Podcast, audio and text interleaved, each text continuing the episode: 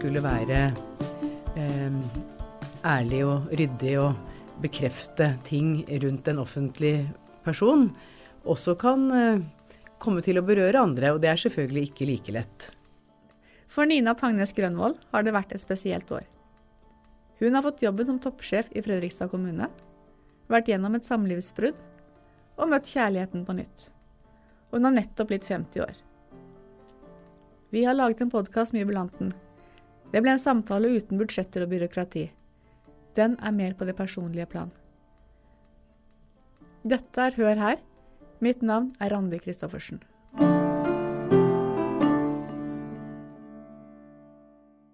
Velkommen hit, Nina. Takk for det. Jeg tenkte at dette kunne være en samtale mer på det personlige plan. Jeg har invitert deg hit fordi at du er blitt 50 år. Gratulerer med dagen, Nina. Tusen takk. Hvordan føles det å bli 50? Det føles eh, veldig fint, egentlig. Eh, jeg opplever at jeg er på et eh, godt sted i livet. Det kan anbefales. Jeg kan det, da. Eller det var ikke noen annen utvei, men jeg er 49 nå. Mm. Og jeg tenker når jeg leser om folk på 50, tenker jeg at de er gamle. Ja, jeg satt her om dagen og så på bilder fra mine tanter og onklers 50-årsdager. Ja. Eh, og de var gamle. Men eh, jeg opplever at det er sant det som alle de eldre alltid sa. Eh, at man er jo egentlig den man alltid har vært.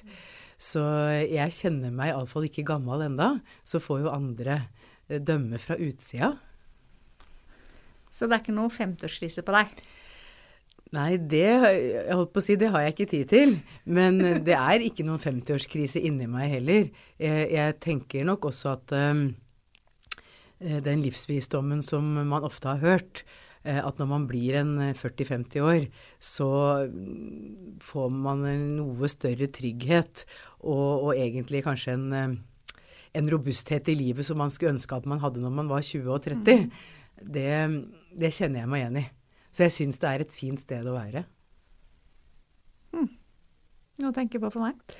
Så det betyr at du er ikke redd for å eldes heller? Jeg ser meg jo i speilet, eh, men ikke hele tiden. Sånn, eh, så nå, nå har jeg selvfølgelig oppdaget at eh, aldringen har begynt å sette spor, og det, det er jo ikke førstevalget. Men, men jeg har nok ikke hatt en illusjon om at jeg skal vare evig. Så jeg tror jeg har en mental beredskap, egentlig, for at både det ytre og det indre vil eh, gå sin gang, da. Så du trener?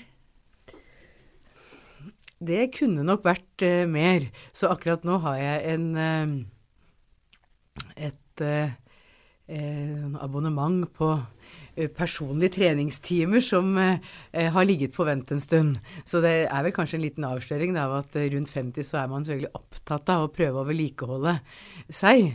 Men, eh, men der ligger det litt ambisjoner på vent i, i månedene framover. Jeg slipper ikke det temaet ennå. Eh, Fordi jeg tenker, du har jo en solid CV, men er du nå redd for konkurranse eh, fra de som er yngre enn deg? At du, dere har samme type CV, men du er han blitt for gammel til visse typer jobber? Det er jo en tanke man eh, eh, kan kjenne. Kan kjenne eh, det at man i hvert fall ikke lenger er ung og lovende, da. Og det skjedde vel kanskje et sted mellom 40 og 50. At det var helt åpenbart i nesten alle sammenhenger at man ikke lenger var den unge som representerte framtida. Men jeg opplever fremdeles når jeg nå fyller eh, det magiske 50, at jeg eh, kan søke jobber og kan være etterspurt. Så jeg tror det vil være oppgaver, oppgaver til meg en stund til. Ja, for vi er inne på CV-en din du, Det er få som har en så lang CV som du har. Det er sånn to av fire sider tettpakka. Eh, så nå må jeg spørre, hva er den vanskeligste jobben du har hatt?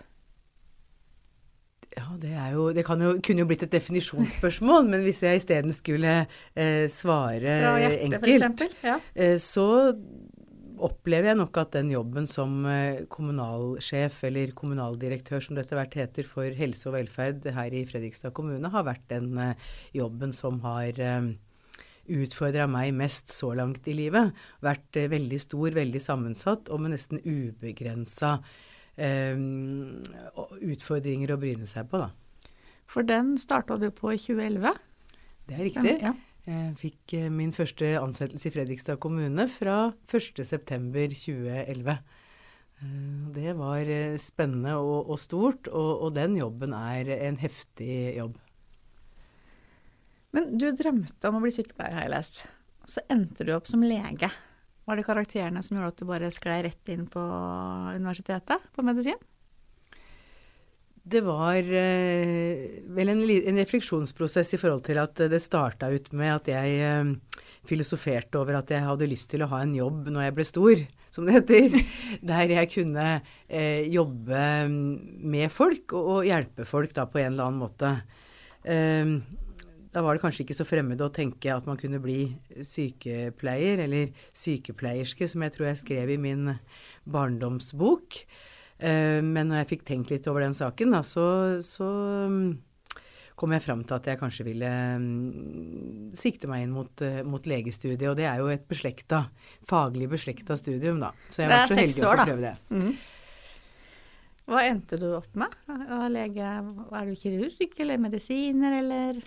Ehm, jeg avslutta jo eh, legestudiene i, 1997, og da eh, var jeg jo allment utdanna som lege og fikk etter hvert autorisasjon i Norge som lege. Ut, men, men, jeg har ikke gått videre etter det i de fem årene som skal til for å bli legespesialist. Så du har aldri praktisert? Bortsett fra jeg har uh, ikke praktisert veldig mye, men jeg har jo da vært uh, på, lege på heltid, og vel så det, kan vi si, da, i de ett og et halvt årene som jeg avtjente turnustjeneste. Ja. Så jeg jobbet på sykehus et år og, og som allmennlege et halvt år. Og så holdt jeg på noen år etter det og, og tok mye legevakter og sommervikariater og sånn innafor allmennmedisinområdet. Men fra 2001 så har jeg satt legekofferten i garasjen. og ikke tatt den fram igjen. Det frister ikke heller? Det har nok vært sånn at det var et, at det var et valg som handla om å si ja til noe, og ikke om å si nei til noe. Så jeg valgte ikke aktivt bort eh, legearbeid eller legegjerningen, men jeg sa aktivt ja til andre dører som åpna seg. Og det fikk etter hvert den konsekvensen at jeg så at, jeg, at, jeg, at, det innebar at jeg faktisk da satte legekofferten på hylla, da. Men da må det, de dørene, som vi sikkert skal snakke mer om etterpå, vært mye mer attraktive, da, å ta de andre valgene. Men det, når du har studert i seks år, det må jo være Er det ingen grunn til at ikke du blei lege? Var det noe du liksom oppdaga underveis? At nei, det er jo sånn det er, eller det er jo ikke som det er, ser ut som på TV, eller det var jo Skjønner du hvor jeg vil hen? Ja, ja, jeg forstår hvor du vil hen. Men kjenner, det var nok ikke helt sånn. Egentlig så Når jeg begynte på legestudiet, så tenkte jeg Det var jo i 1989. Da tenkte jeg at jeg skulle bli psykiater. Altså at jeg etter de seks eller seks og et halvt år da, som det ble for, mm. for, det kullet jeg gikk på, eh, var ferdig med, med grunnutdanninga, så tenkte jeg at jeg skulle ta den spesialiseringa som må til for å bli psykiater. Fordi jeg var veldig interessert i eh, kommunikasjon, det relasjonelle og, og, det psykiske kanskje mer mm. enn en dette med, med, med, med kniv, kniv, kniv mm. og, og, søm. Um, gjennom legestudiet så ble jeg vel egentlig bare mer interessert også i eh, hele mennesket og, og trivdes også mye bedre enn jeg hadde trodd med f.eks. å skjære og sy og gjøre mer håndarbeid. Mm. Eh, så jeg var ikke fremmed for noen ting egentlig når jeg slutta. Eh, men samtidig så brakte da livet meg inn både på forskningsoppgaver og på mer ledelses- og samfunnsoppgaver som jeg, jeg nok har opplevd også har vært sterkt beslekta med det man lærte i legeutdanninga. For det er jo en veldig brei utdanning som går helt fra kjemi og mikrobiologi til kommunikasjon og samfunnsmedisin, beredskap og eh, overordna eh, styring av samfunnet. Mm -hmm. Så jeg opplever nok at det er legeutdanninga som har rusta meg til det jeg har gjort, og at det er en veldig brei grunnutdanning. Ja, for du gikk jo til LO og politikken. Og jeg vet at du var den som var tettest på Geir Liv Valla da Valla og Jussen-saken eksploderte i 2007. Tolv år sia. Ja. Mm, det var høsten 2006 at dette eh, bygde seg opp. Så, mm. Men det har du aldri villet snakket om. Uh, hvorfor ikke? Ja, det, det, er jo en sannhet med modifikasjoner. For jeg har jo fått, selvfølgelig fått veldig mange spørsmål mm. om den hendelsen. Og snakka veldig mye med veldig mange om den hendelsen. Men jeg har valgt å ikke eh, uttale meg i det offentlige rom, da, eller bli en, en, sentral kilde til beretningen om det som skjedde, og analysen av det som skjedde. Og begrunnelsen for det, eh, for min egen del, har, for det har jo ikke stått på tilbud og forslag om det, det har eh, har vært at jeg opplevde meg som en profesjonell eh, medarbeider i den situasjonen, som bisto med de oppgavene som rett og slett ble avtalt med meg på jobben, og ikke som en part i saken, og at det dermed ikke ble naturlig heller etterpå, syns jeg, å være sannhetsvitne eller kommentator. For hvor lojal er du? Hvor går grensen?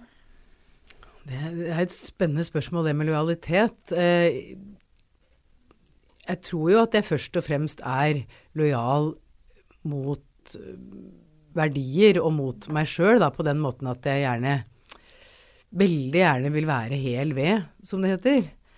Um, men jeg har også evnen til å være lojal mot arbeidsgivere og oppdragsgivere, og kan velge å være lojal mot uh, mot de som jeg har vært ansatt for å, å bistå på ulike måter, da, og kan holde på, på fortrolighet og, og konfidensiell informasjon, f.eks. Uh, I respekt for andre. Hvilket forhold har du til Valla i dag? Jeg har eh, etter mars 2007 eh, hatt gleden av å bli nærmere personlig kjent med Geir Liv Valla, ja. og eh, vil nå beskrive meg som en eh, venn av henne, om enn ikke en regelmessig omgangsvenn. Men hvorfor valgte du byråkrati framfor politikken?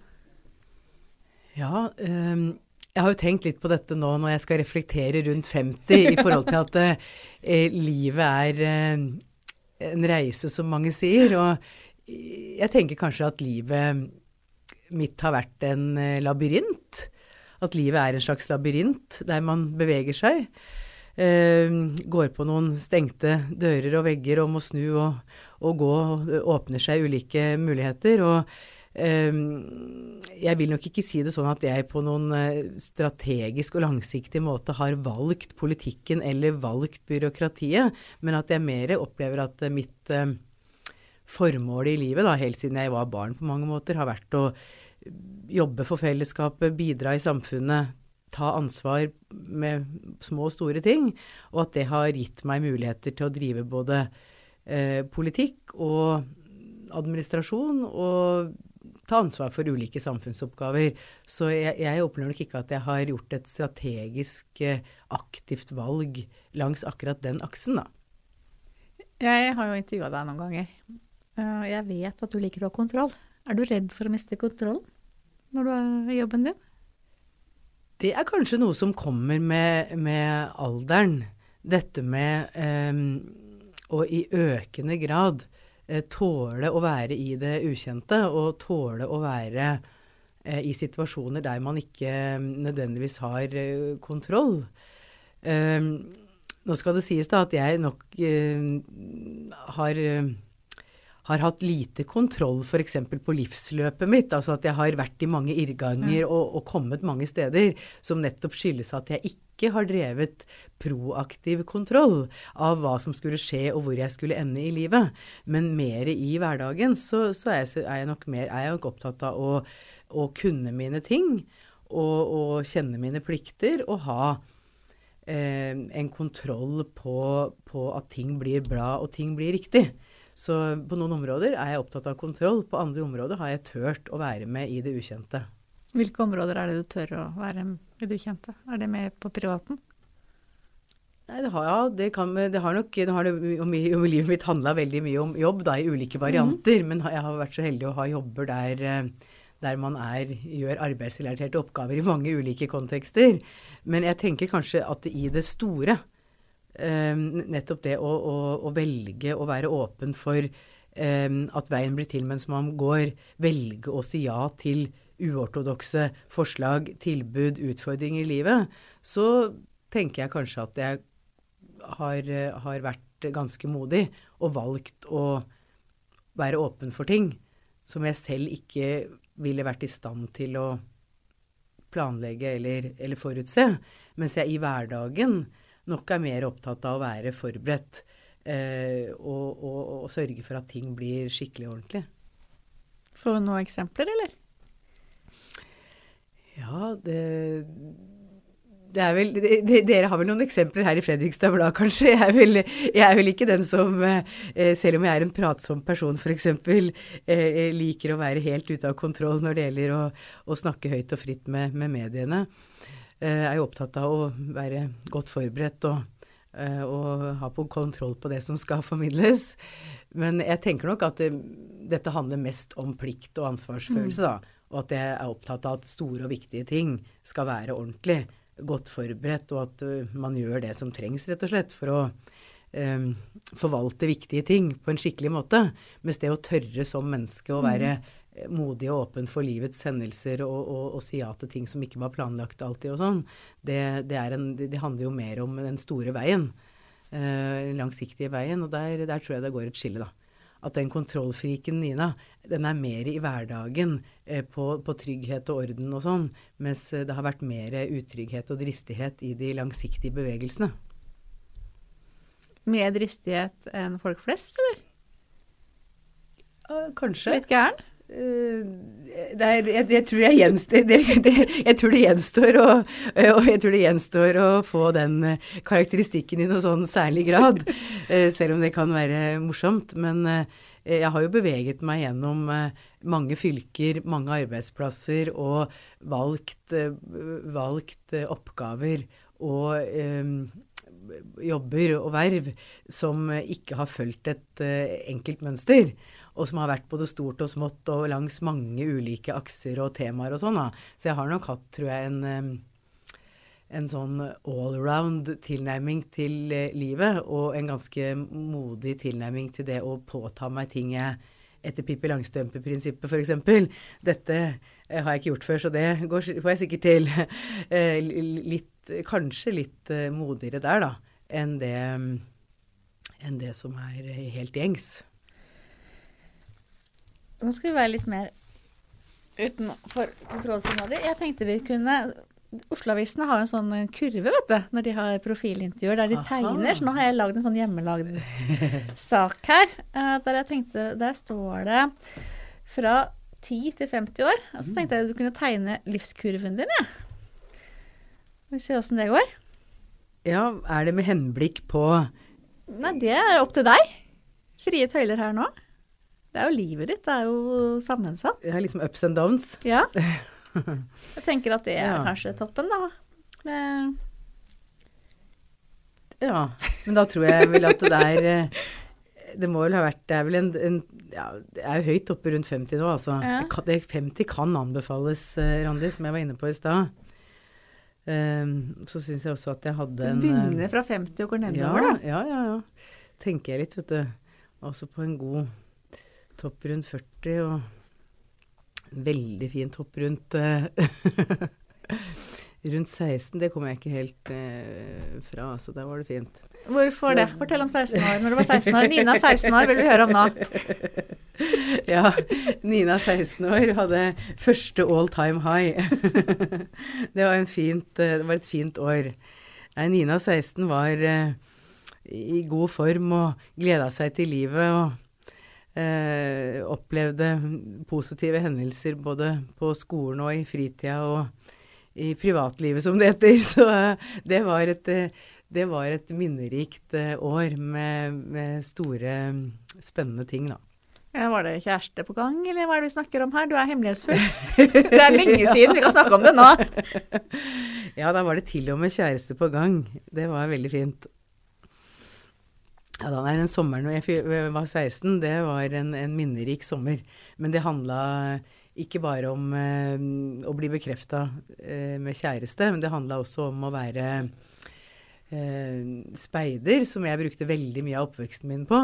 Og få lov til å være på, være på en veldig stor eh, speiderleir, bl.a. Der vi bygde både fysisk og store konstruksjoner og klatra og snekra og, og opplevde veldig mye mestring og sol og glede. og eh, være på utenlandsreiser som eh, ungdomsleder for ungdommer i forhold til språk og utforsking av livet og sånn. Så det, det første året på videregående skole, og med både sosiale og, og andre erfaringer, det husker jeg fortsatt som en, en veldig fin tid. Da syns jeg det funka.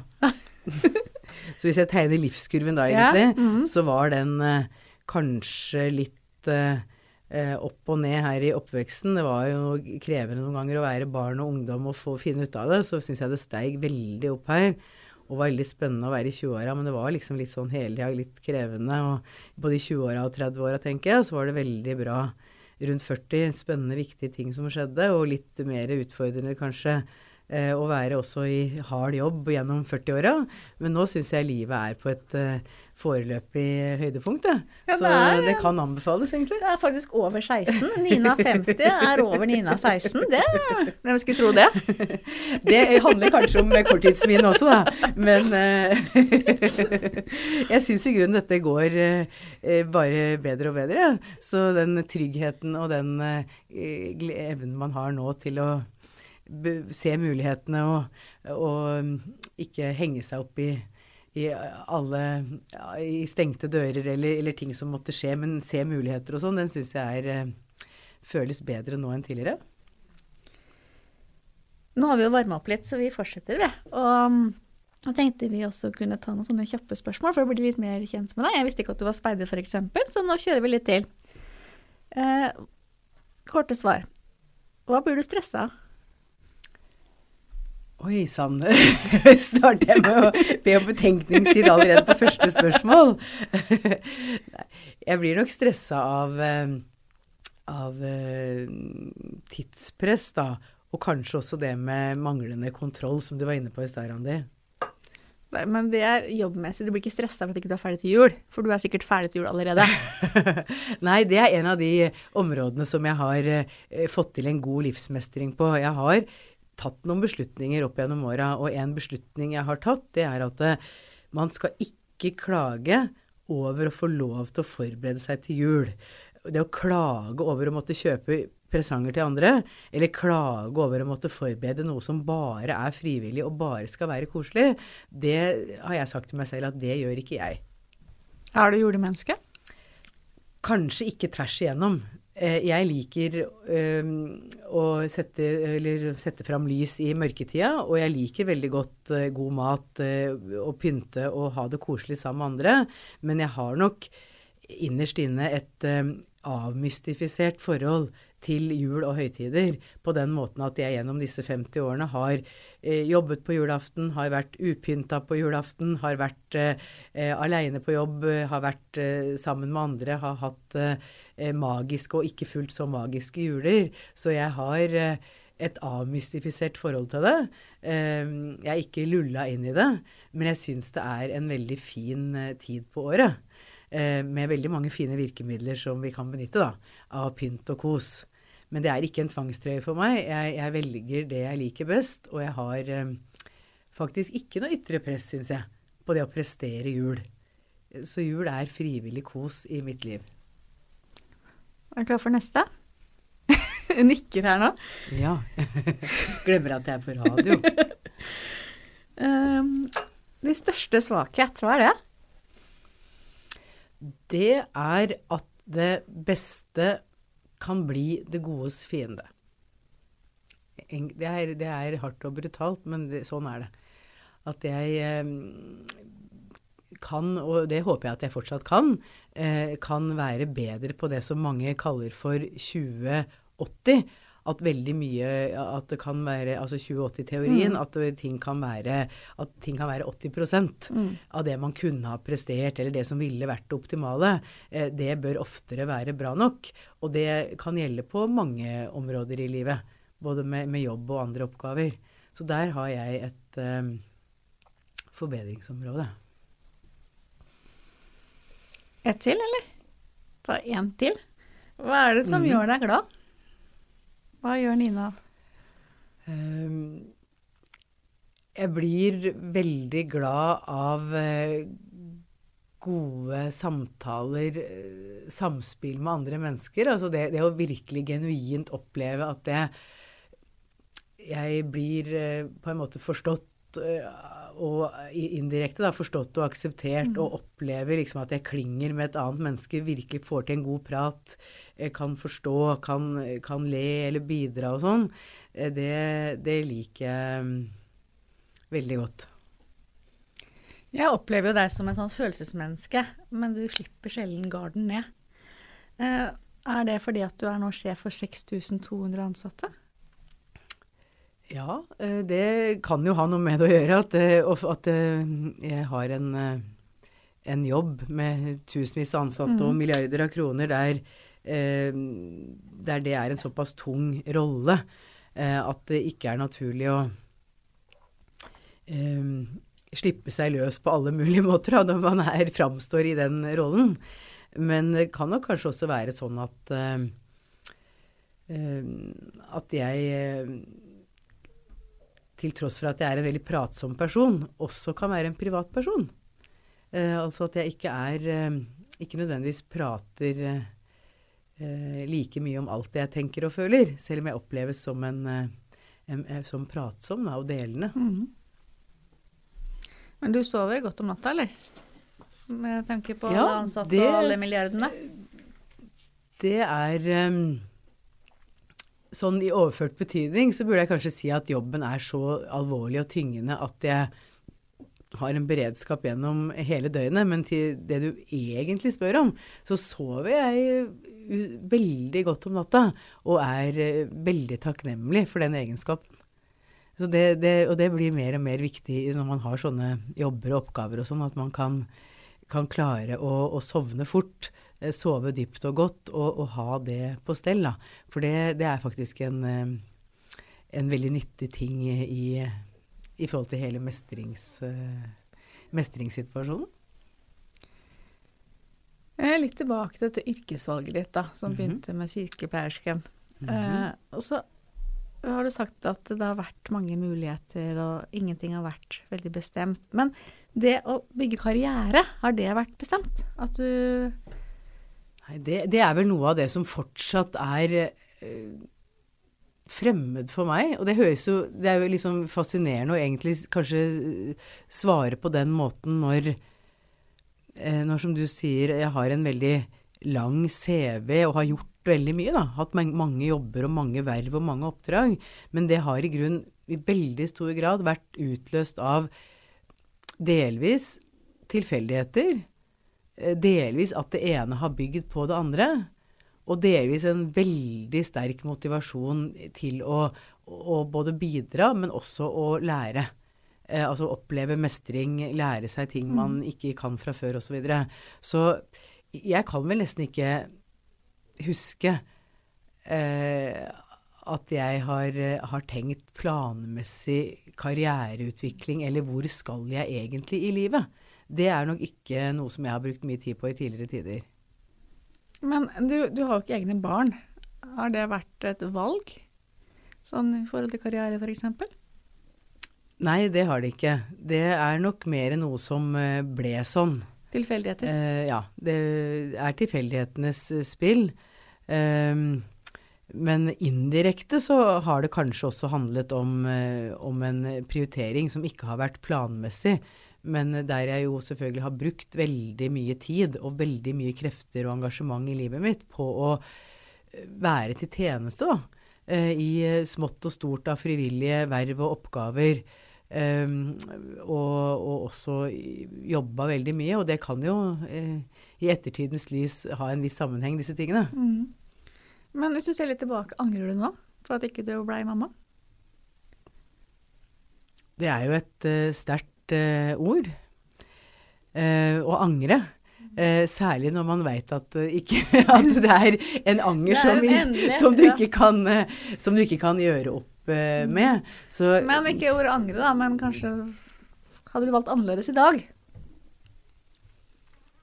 Jeg tror jeg vil si det på den måten at når andre mennesker spør meg om råd, Mm. så syns jeg det er fint å oppmuntre til eh, å ta, eh, ta mulighetene i livet, også i forhold til, eh, til familieliv og eventuelle barn. Eh, og at det, at det er ting man skal være oppmerksom på og ikke være redd for. Jeg har jo fått lov til å sitte bl.a. i det som nå heter Bioteknologirådet i åtte år. Gjennom det arbeidet der så har jeg jo vært med på veldig mange dyptgripende diskusjoner og prosesser rundt dette med hva som skal være Med nettopp det at eh, at folk får bar, barn seinere og seinere i livet. At mange opplever utfordringer med å få barn, og hvor mye følelser og, og, og engasjement som ligger i det. Eh, og i forbindelse med alt jeg har lært og vært med og diskutert i den sammenheng, så er jeg nok veldig opptatt av å oppmuntre andre til å um, tenke også på barn. Eh, gjerne tidligere i livet, og benytte muligheter som, som livet gir da, til å, til å til å også å få barn. Men eh, for min egen del så har jeg valgt å ikke være angrende. Mm. Eh, men jeg har vært svært takknemlig da, for at jeg de siste ti åra av mitt liv har eh, fått lov til å være stemor, f.eks.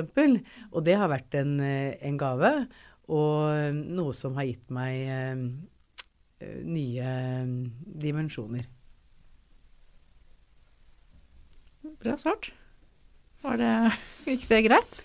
Ja, her kommer det rett fra levra, for her er det jo en naken mikrofon. Så ja. Jeg vet at du ikke vil si så mye om det, Nina, men eh, det siste året har du vært gjennom en skilsmisse. Hvordan har det preget deg?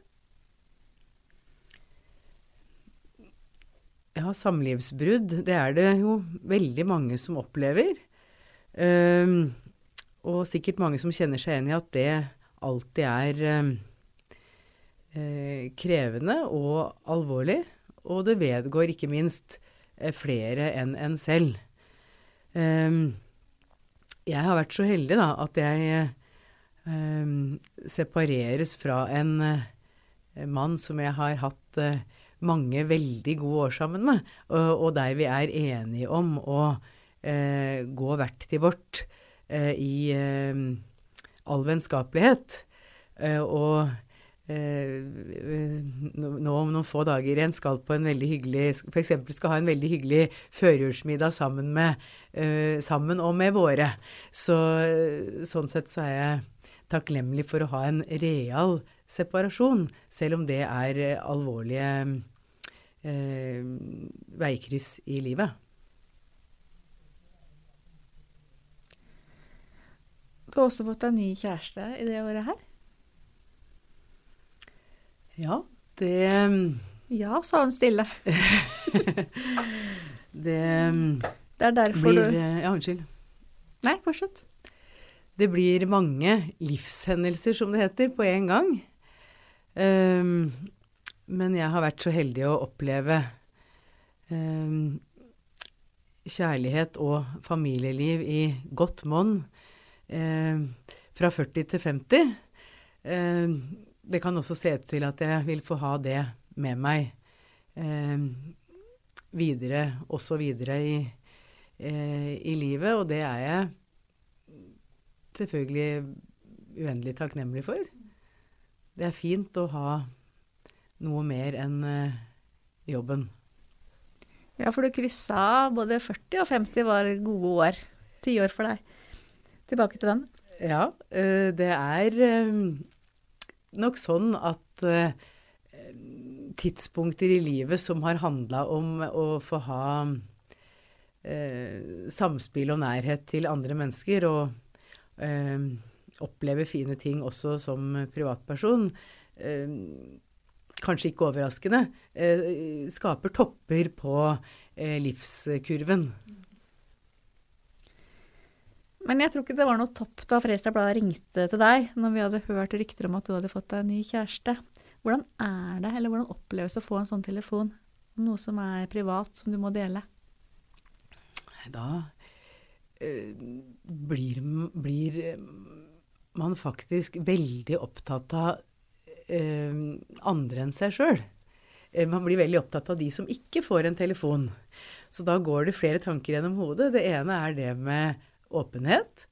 eh, og, og kunne si sannheten om ting, svare ja og nei, eh, og bekrefte eventuelle spørsmål og, kommentarer. Det andre er jo dette med at eh, man er ikke bare seg sjøl, og at det å skulle være ærlig og ryddig og bekrefte ting rundt en offentlig person, også kan komme til å berøre andre. Og det er selvfølgelig ikke like lett. Vi hopper over til litt jobb igjen. Ja, det, det høres eh, veldig riktig ut. Hvor mange timer i døgnet er du rådmann? Det, det, er, det, er, det, kan nok ikke være kokettering å si at denne kommunedirektørjobben, som det heter nå fra 1.12., den, den har man faktisk 24-7, altså. Mm. Men uh, i Fredrikstad kommune så har vi en uh, solid uh, toppledelse, så vi er selvfølgelig flere som deler på å kjenne på ansvaret 24-7. Men det er, ikke, det er, ikke, noen annen måte å beskrive den jobben på enn at det ansvaret når det kommer til helga, det, det har du faktisk hele tida. Men uh, når du kommer hjem, hvordan er arbeidsdagen din rådmann? da? Du står opp klokka ja, nå, Apropos hva som skjer rundt uh, 50, så har jeg faktisk det siste året uh, stadig begynt å stå opp tidligere. Og det skyldes ikke biologiske endringer, altså, men det skyldes faktisk konsentrasjon og alvor rundt jobben. Så nå er det ikke sjelden at det er både fem og seks og, og stort sett alltid eh, seinest halv sju da, at eh, klokka eh, ringer for siste gang. Men trenger du mye søvn? Ja, både ja og nei. Jeg er kanskje en, en, en, litt eh, uvanlig kombo der også. Eh, svaret på det, egentlig, som fra et legeperspektiv, er jo ja. Eh, hvis jeg får lov til å være i fri flyt, så vil jeg alltid sove i gjerne ni og en halv time, og så vil jeg jobbe Eh, en lengre økt igjen mm. før jeg sover neste gang. Så da bryter jeg veldig fort med døgnet, fordi da vil jeg sove lenge og være aktiv lenge.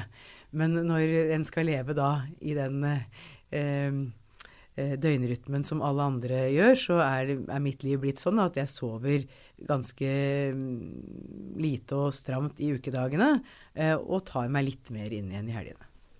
Lite og stramt, hvor mye snakker vi om da? Mange timer snakker vi om da? Nei, det kan være fra fire til sju timer, da. Seks-sju timer. Ja. Mm. Men hva gjør du på fritida?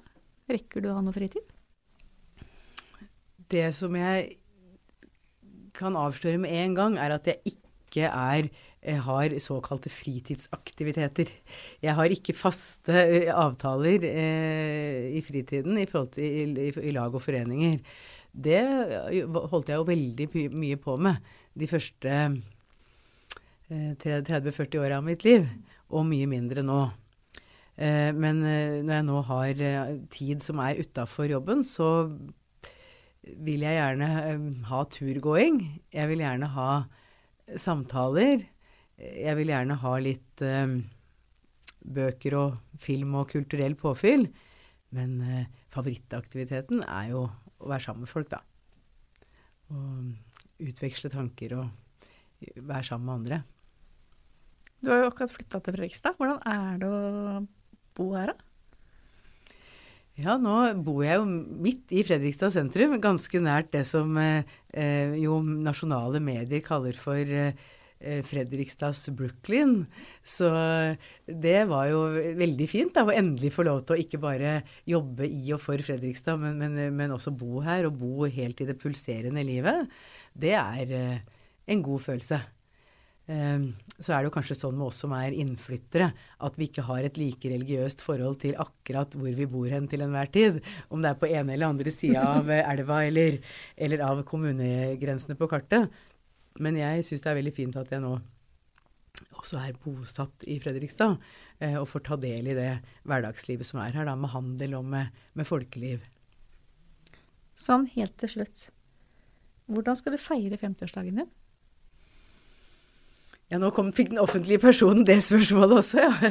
Det blir en, eh, i denne omgang, en helt rolig dag. Eh, jeg tror kanskje det blir en eh, kake på jobben på Lucia-dagen, altså dagen før. Og så blir det eh, rolig sånn for meg som eh, privatperson. Eh, men jeg utelukker ikke at det kan bli eh, en litt større feiring i 2020 når det går mot lysere tider. For det passer kanskje litt bedre for, eh, for folk. Eh, advents- og juleinnspurten er jo beslaglagt med mange ting. Supert. Tusen takk for praten. I like måte. Du kan abonnere på Hør her gjennom Apple Podcasts, Spotify og andre steder du hører på podcasts. Du kan også følge oss på Facebook.